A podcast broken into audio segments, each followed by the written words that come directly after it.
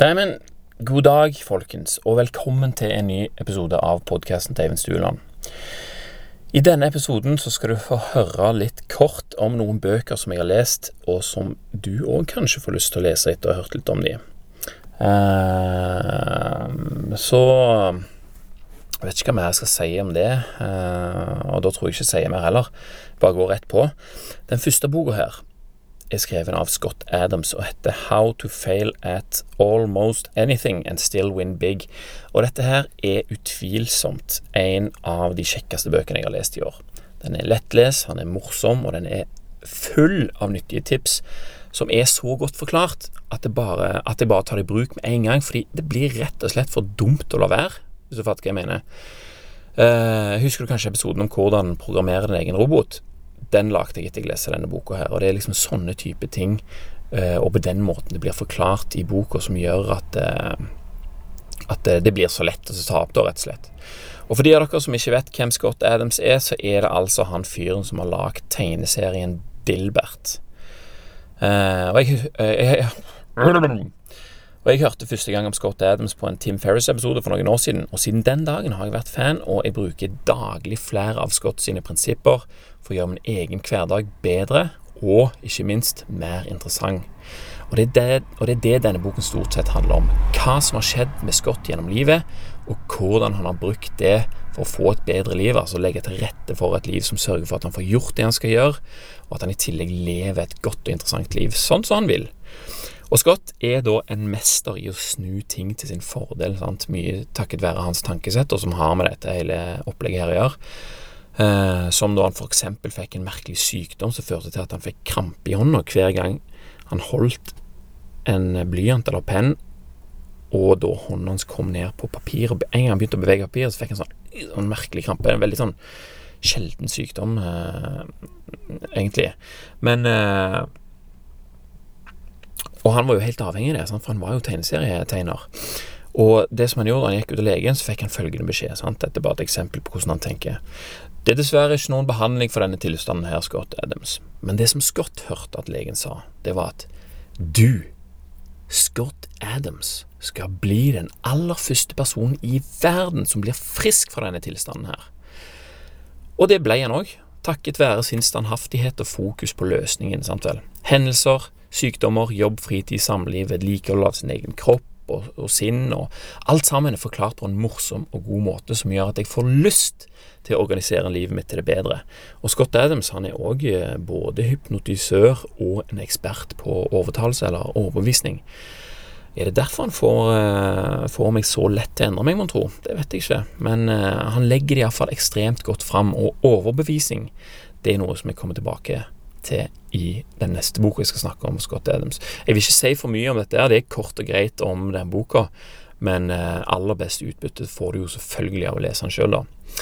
Eh, og så har jeg lest ei til bok av Scott Adams. Jeg fikk så god følelse av å lese om måten han skrev på, liksom.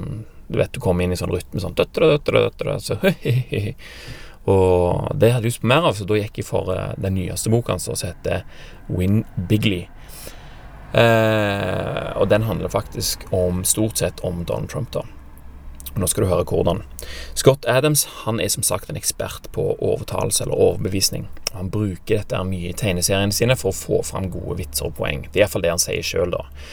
Eh, men det er et relativt smalt tema, dette her med overbevisning. Eh, det har jo vokst på oss i de siste årene, men eh, med overbevisning så menes vi iallfall at at du har liksom evnen til å forklare og lage bilder for en person eller i grupper ved hjelp av språk, følelser, argumenter og bilder, som da får denne her målgruppa til å endre holdning, mening, eh, forståelse for et tema, eller til å få det til å utføre en handling, som f.eks. å stemme. Sånn og Denne boka her er jo da et resultat av hvordan Scott reagerte når han for første gang hørte Donald Trump tale.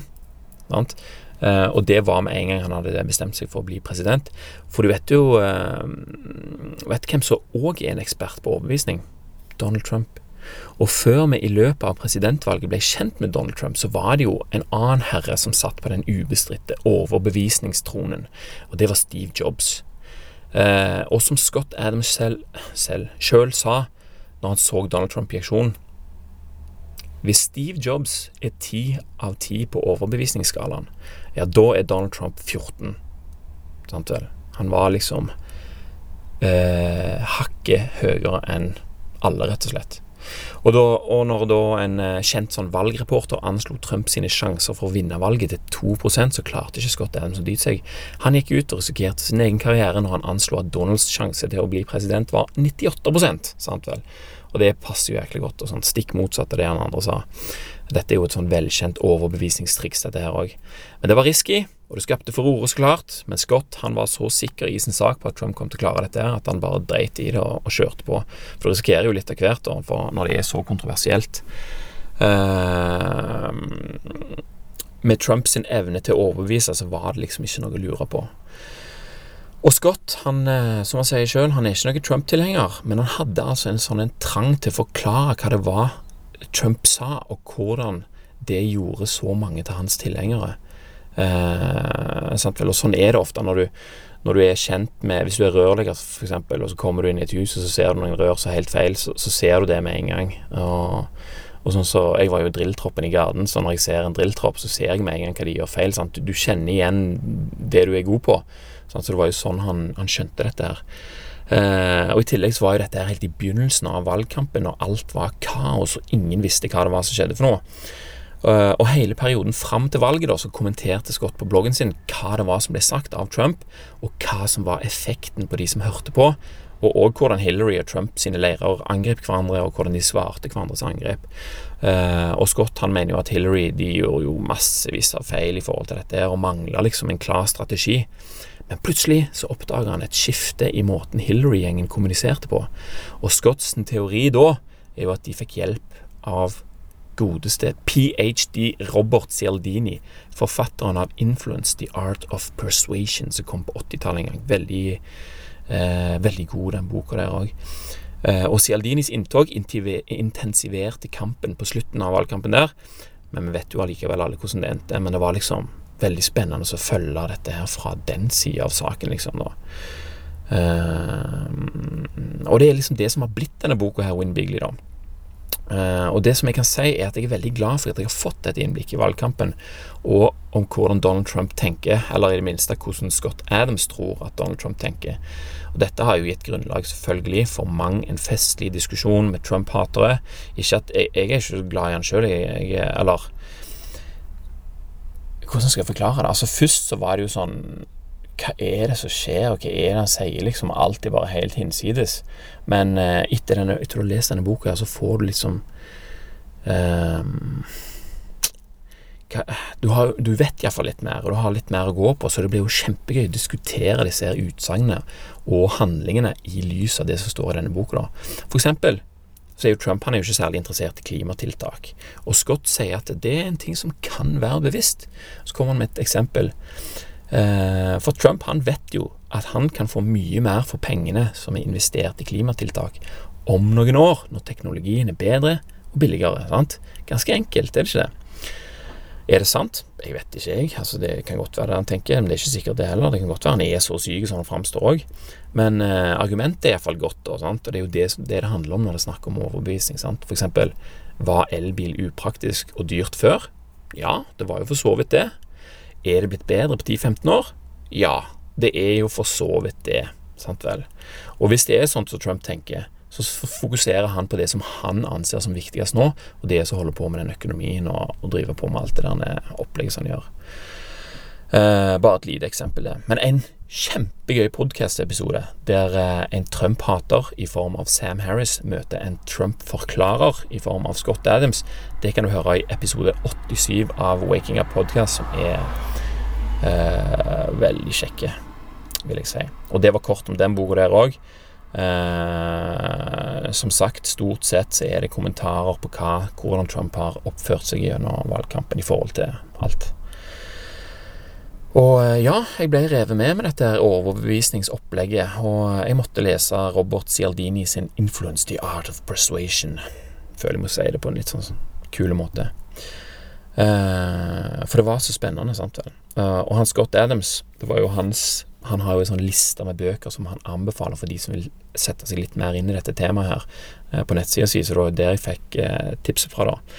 Angrer ikke et sekund på at jeg leser den boka der. Cialdini han forklarer noen av de mest vanlige måtene overbevisning blir brukt på, og det er flere måter å bruke sånn taktikk. En av de er jo å få andre til å gjøre sånn som du vil.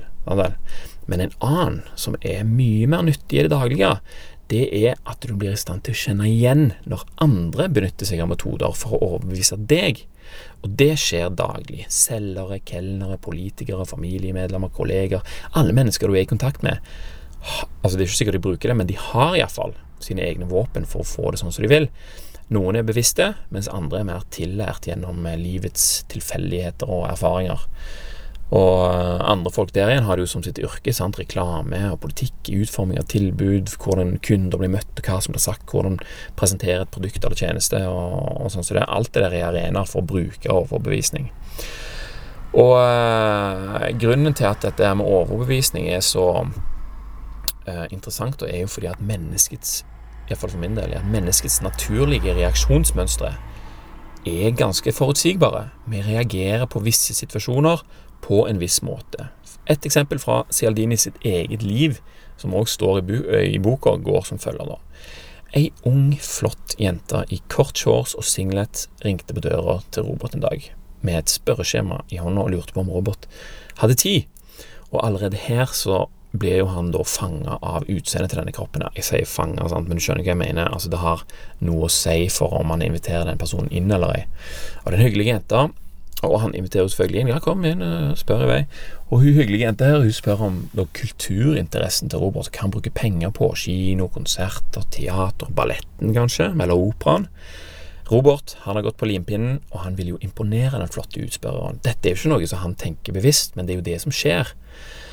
Han er jo plutselig veldig kulturell og sofistikert. Verdsetter kultur, ja, mm, kino fra kino til, ballett, til ballett og alt innimellom. Oi, oi, oi, oi, jenta er imponert og noterer i vei, og Robert er fornøyd, og hun er fornøyd, og helt til stikket kommer. Vet du hva jeg ser, Robert, her? Du bruker altså så og så mange dollar i året på kultur, og det betyr at du, ved å bli medlem hos oss, vil spare ca. 1000 dollar i året på alt dette her. Ja, ikke bare hadde han gått på limpinnen, han hadde svelget jo hele driten.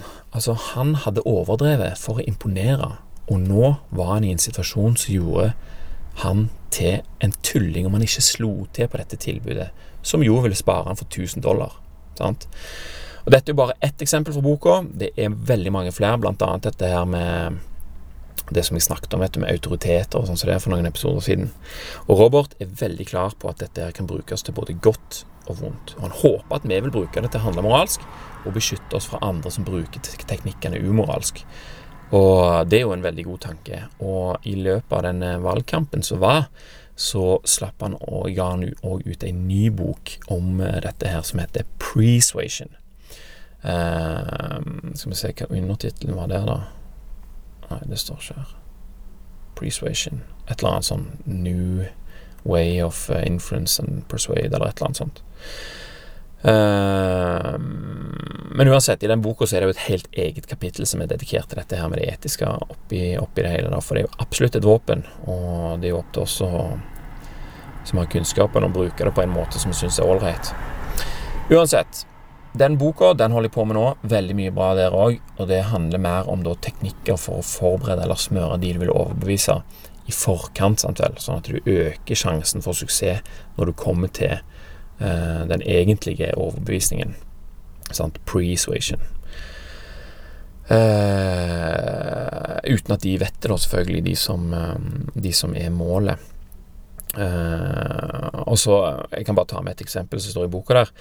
Han, eh, Robert Seldine han har gjort veldig mye sånn fieldwork, eller hva du skal kalle det. Han mm, går undercover, liksom, og jobber på restauranter og melder seg på sånn salgsmøter og alt mulig sånn for å studere dette her. Og en gang så var han med en sånn hjemmealarmselger som, eh, som hadde liksom enormt mye bedre salg enn absolutt alle andre som jobba i det firmaet hans.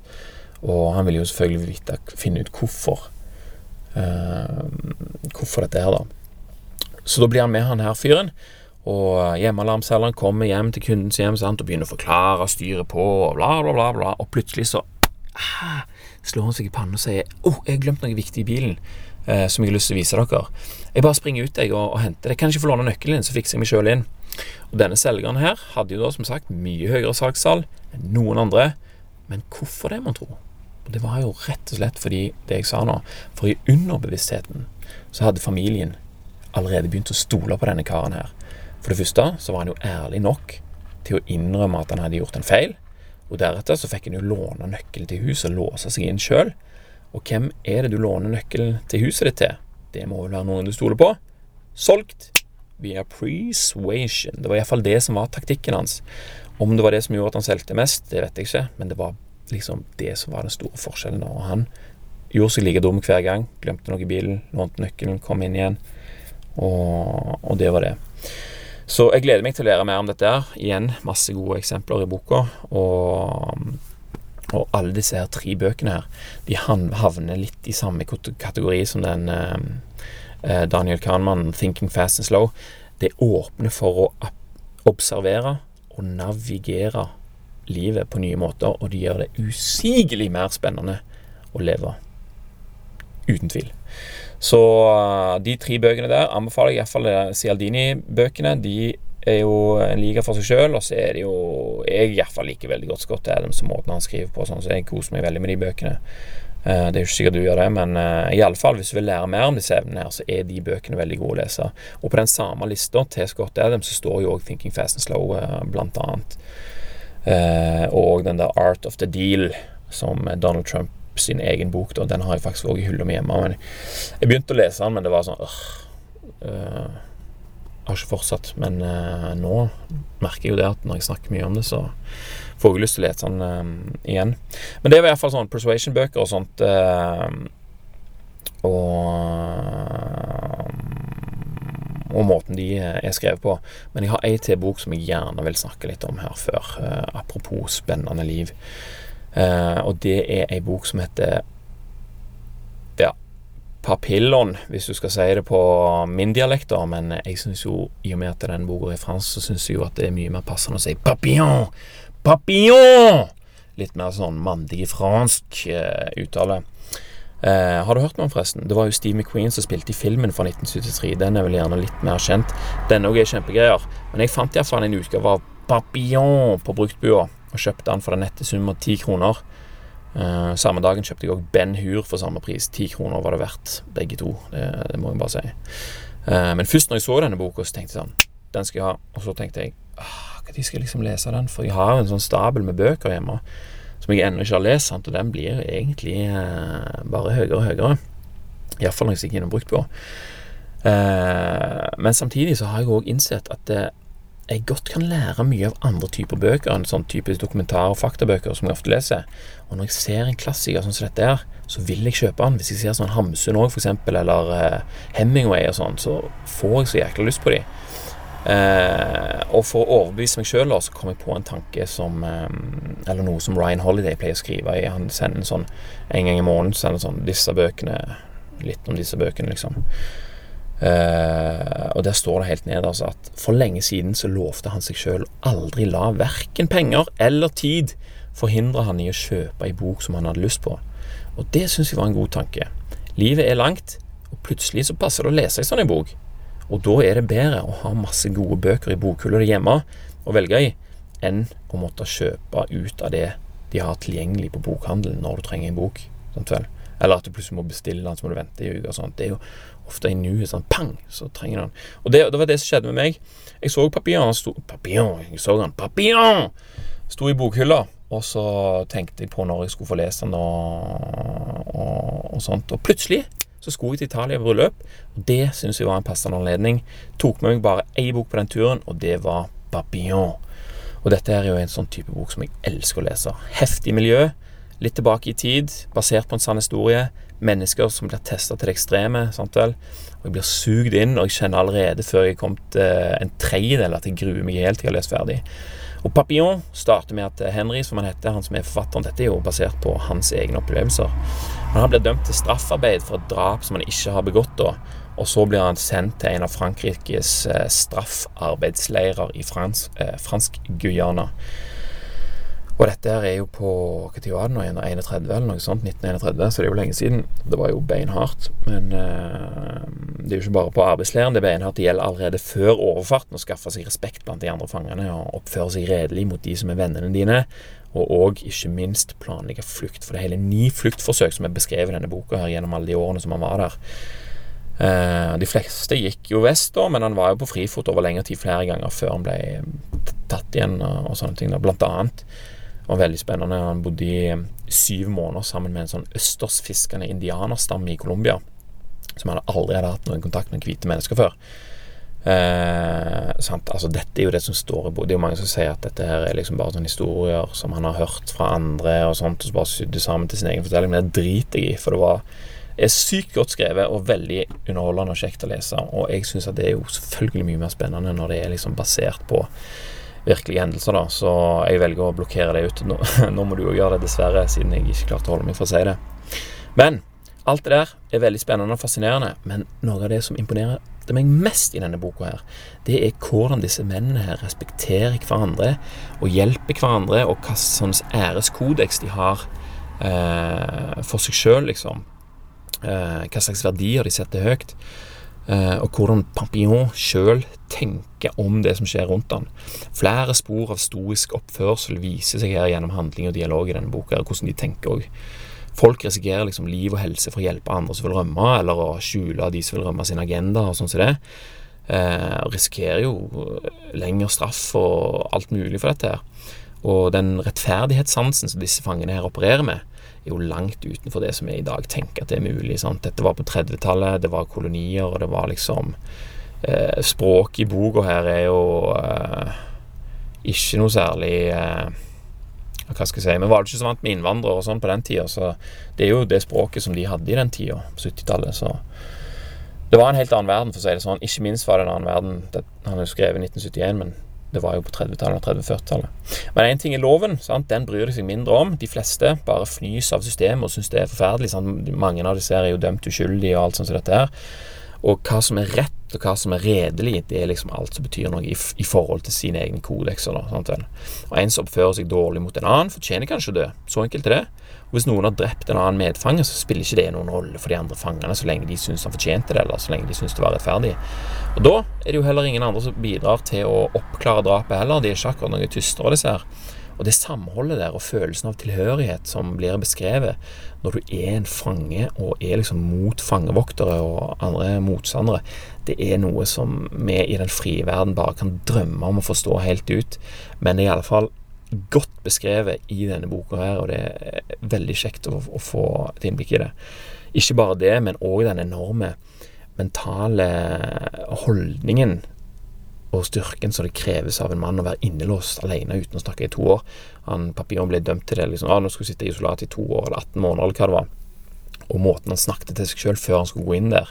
Han så for seg hva han skulle gjøre der inne. Han skulle bruke en teknikk som gjorde at han fikk bruke hodet sitt til liksom være andreplasser i verden, om du skjønner hva jeg mener. Og, og det var ikke lov å snakke eller noen ting der inne. Og så skulle han, eh, så en for seg hvordan han skulle være når han kom ut.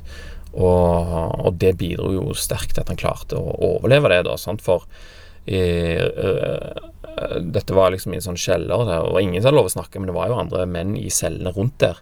Sant? Og flere av de, du hører bare at de blir sinnssyke, sant? og så blir de banket opp for de snakker, og så er det underernæring, og så dauer de, sant? og alt dette her skal du liksom holde ut. Så alt det der syns jeg var fascinerende, altså. Og så har du de som er på utsida, da på isolatet. De smugler jo inn ekstra mat, kanskje, og beskjeder, og risikerer den stramme saffen sjøl. Altså, hvordan går det an? Boka er glimrende, og jeg koste meg bedre enn på lenge. Altså.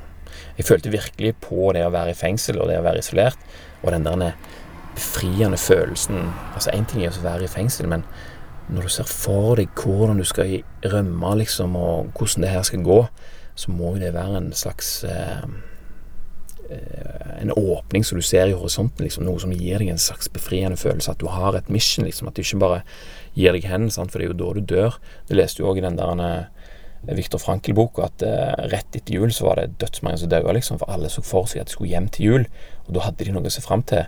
Men med en gang jul kom, og de ikke hadde kommet hjem, daua en hel gjeng, sant? for de var så svake, eller de ga opp mentalt. da. Uh, sånn, så det sier litt om hvordan du kan legge til rette for deg sjøl til å overleve en sånn situasjon. Da. Sånn, dette er jo det ekstreme, men vi kan jo òg lære av dette her og bruke det i vårt eh, behagelige, luksuriøse liv som vi lever nå i forhold til dette her. Uansett, spenningen er det ingenting å si på på denne her. Følelsen når de har kommet seg til havs med båt, sant? proviant og utstyr, og den spenningen når de driver og skaffer til veie alt det her som de trenger eh, gjør at det, det, er bare ikke lett å legge fra seg boka. Og sånn er den boka. Lang, spennende, vanskelig å legge fra seg. Jeg skal ikke avsløre mer om eh, historien.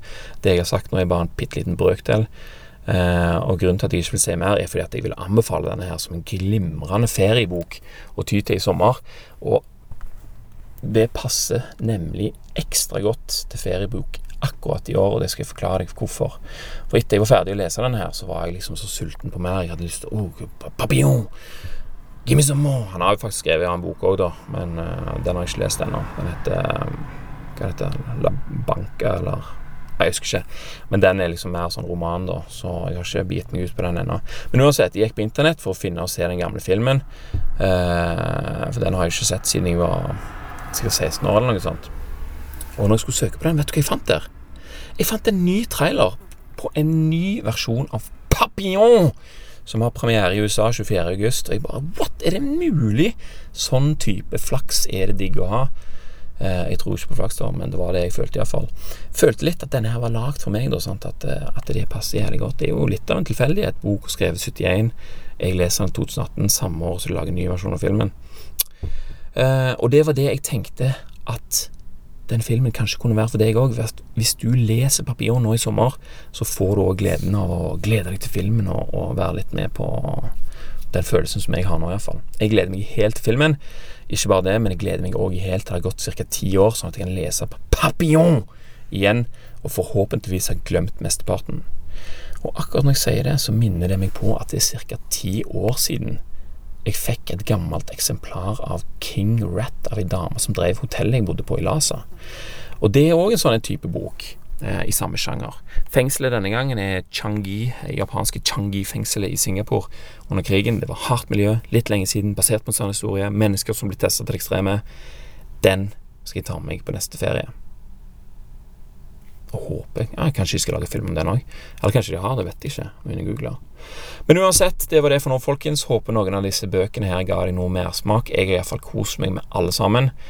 Eh, og hvis du føler for å sende meg eh, Så send meg gjerne tips om gode bøker som du sjøl har lest i år eller i sommer, eller hva som helst. Og så må jeg bare si at jeg ønsker deg fortsatt en nydelig sommer. Akkurat nå er det jo 30 grader og dødsnice, så jeg er akkurat ferdig på jobb og skal på min fire uker lange ferie i camperen med familien. Vi skal til Dyreparken og alt mulig, så jeg eh, gleder meg. Og jeg håper at du får en like skjønn sommer som det jeg ser for meg at jeg eh, skal ha. Og med det så sier jeg takk for meg, og takk for nå, og takk til deg som hørte på. Så snakkes vi neste gang.